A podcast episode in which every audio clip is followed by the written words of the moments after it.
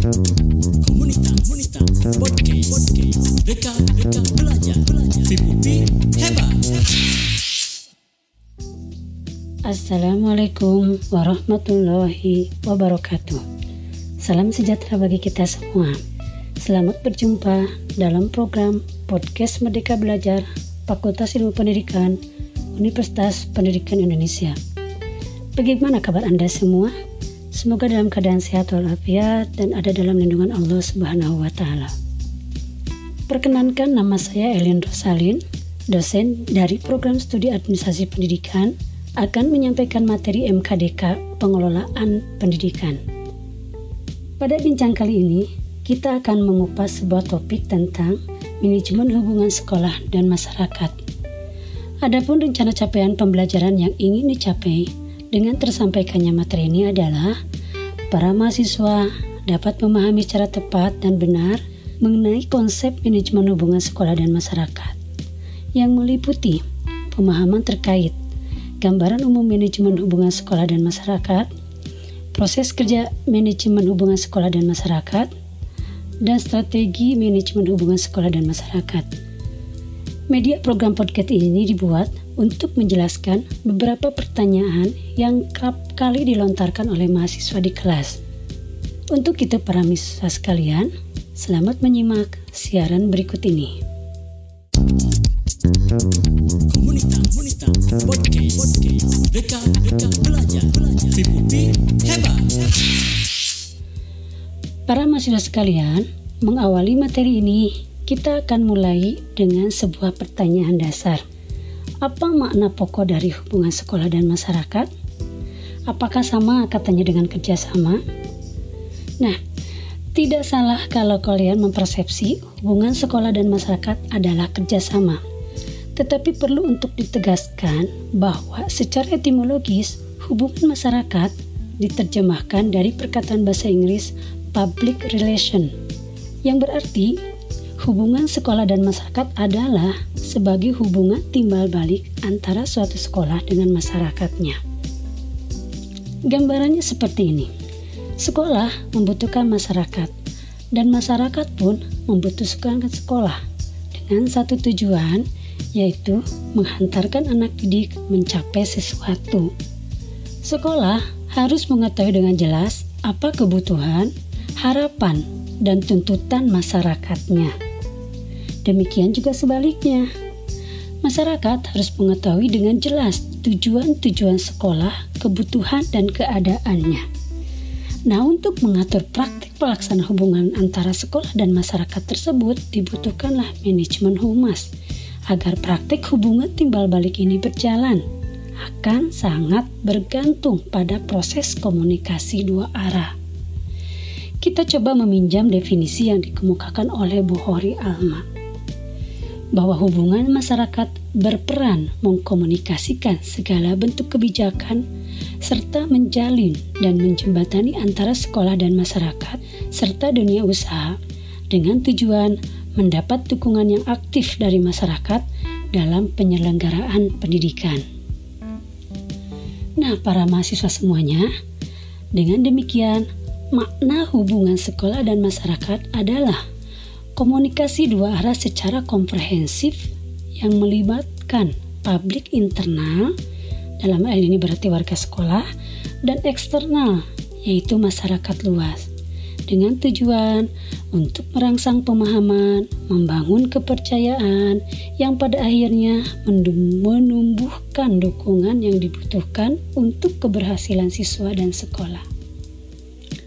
Para mahasiswa di mana pun berada, setelah memahami makna hubungan sekolah dan masyarakat, pertanyaan berikutnya yang akan dibahas yaitu terkait dengan apa sebetulnya fungsi sekolah ini dalam masyarakat. Para mahasiswa memang perlu dikaji pemahaman fungsi-fungsi sekolah dan masyarakat dan fungsi-fungsi masyarakat ini agar kita bisa memahami fungsi manajemen sekolah dan masyarakat dengan baik. Baiklah para mahasiswa semuanya, kita bahas dulu mulai dari fungsi-fungsi sekolah dalam masyarakat. Sekolah adalah lembaga yang lahir dari dan untuk masyarakat. Di dalam masyarakat yang demokratis, sekolah seyogianya dapat menjadikan dirinya sebagai pelopor dan pusat perkembangan bagi perubahan masyarakat di semua bidang kehidupan masyarakat. Ada lima fungsi sekolah dalam masyarakat yang bisa dijelaskan. Pertama, sekolah sebagai lembaga pembaharu atau yang disebut dengan agent of change. Fungsi sekolah di sini adalah yang mengintroduksi perubahan dalam pengetahuan, cara berpikir, pola kehidupan atau pola hidup, kebiasaan, dan tata cara pergaulan anggota masyarakat. Fungsi yang kedua, sekolah sebagai lembaga seleksi atau seleksi agensi. Sekolah berfungsi untuk memilih, membeda-bedakan anggota masyarakat menurut kemampuan dan potensinya. Tujuannya untuk apa? agar tepat dalam memberikan pembinaan sesuai dengan kemampuannya itu, agar setiap individu atau anggota masyarakat dapat dikembangkan dan dimanfaatkan potensinya semaksimal mungkin. Fungsi yang ketiga, sekolah sebagai lembaga peningkat atau class leveling agency.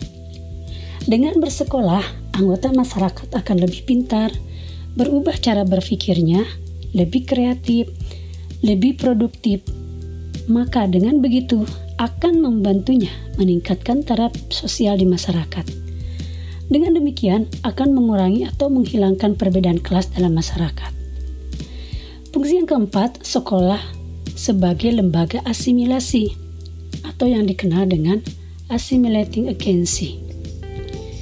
Ini tercipta karena kehidupan di sekolah berusaha mengurangi atau menghilangkan perbedaan-perbedaan atas tradisi adat, dan kebudayaan. Sehingga terdapat usaha penyesuaian diri yang lebih besar dalam persatuan dan kesatuan bangsa. Dan fungsi yang terakhir, sekolah sebagai lembaga pemelihara kelestarian, agent of preservation.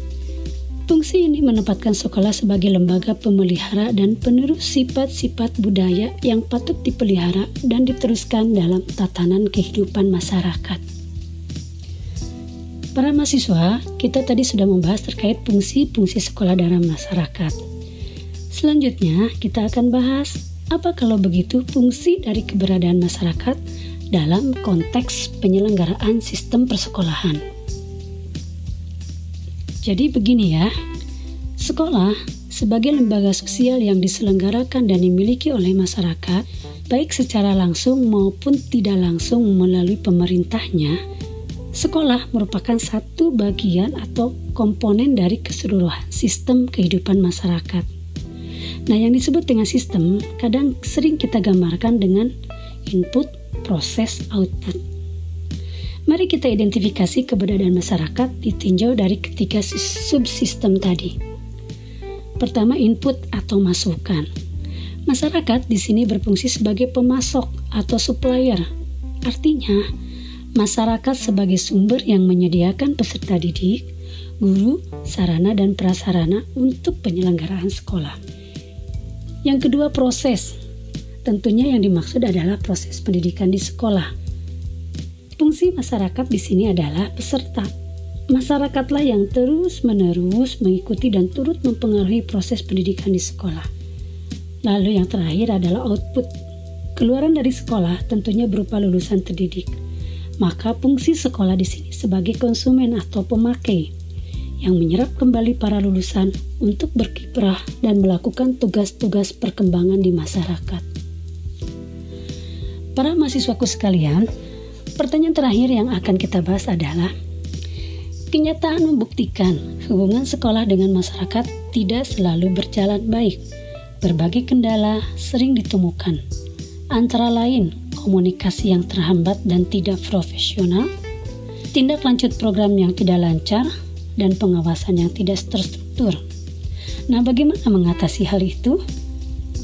Betul, hambatan itu selalu ada, terlebih yang sifatnya eksternal publik. Agar komunikasi ini, baik itu dengan masyarakat internal maupun eksternal, berjalan lancar dan efektif, maka komunikasi ini harus dilakukan secara kontinu dan profesional. Beberapa strategi dan teknik dalam humas bisa menjadi alternatif untuk mengatasi hal ini.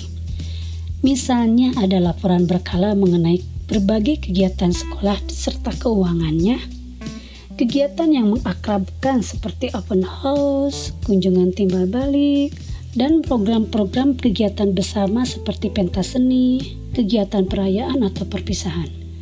Lebih lengkapnya akan saya jelaskan. Pengelola hubungan sekolah dan masyarakat harus kontinu dalam hal satu menyelenggarakan publikasi atau menyebarluaskan informasi tentang kegiatan sekolah yang pantas untuk diketahui oleh publik. Kedua, penyusunan program acara atau event yang rutin tahunan misalnya. HUT RI, Hari Raya, atau kegiatan yang bersifat spesial misalnya ada peresmian gedung atau acara monumental misalnya hari jadi sekolah yang keberapa begitu yang semuanya itu ditujukan untuk mempengaruhi opini publik. Lalu yang ketiga, kepedulian komunitas atau sosial.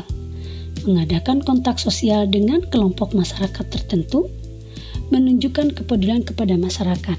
Ini dikenal dengan community relation and humanity relation. Ini penting anak-anak untuk menjaga hubungan baik dan supaya memperoleh simpati atau empati dari halayak. Dalam melakukan kegiatan di atas, beberapa teknik bisa dipilih sesuai dengan kondisi sekolah dan masyarakatnya. Teknik yang dimaksud di antaranya, pertama teknik tertulis. Teknik ini dilakukan untuk melakukan publikasi atau menciptakan berita. Bentuknya seperti laporan kepada orang tua siswa terkait perkembangan peserta didik maksud saya, laporan tahunan berisi informasi penting tentang sekolah biasanya berkaitan dengan keberhasilan atau hal-hal yang masih perlu ditingkatkan. Bentuk lain pamflet sekolah, buku kecil, buletin sekolah, surat kabar, dan lain-lain. Teknik yang kedua adalah teknik lisan. Ini terutama berkaitan dengan kegiatan menjalin kontak sosial dan komunitas seperti yang sudah tadi dijelaskan. Contohnya pada acara kunjungan rumah untuk melihat situasi anak di rumahnya atau kemampuan bernegosiasi atau melobi secara personal, misalnya pada acara pertemuan dengan orang tua atau pertemuan masyarakat. Dan kemampuan teknik lisan lainnya seperti pemberitaan di radio atau televisi yang kesemuanya dilakukan dalam rangka melakukan pencitraan sekolah.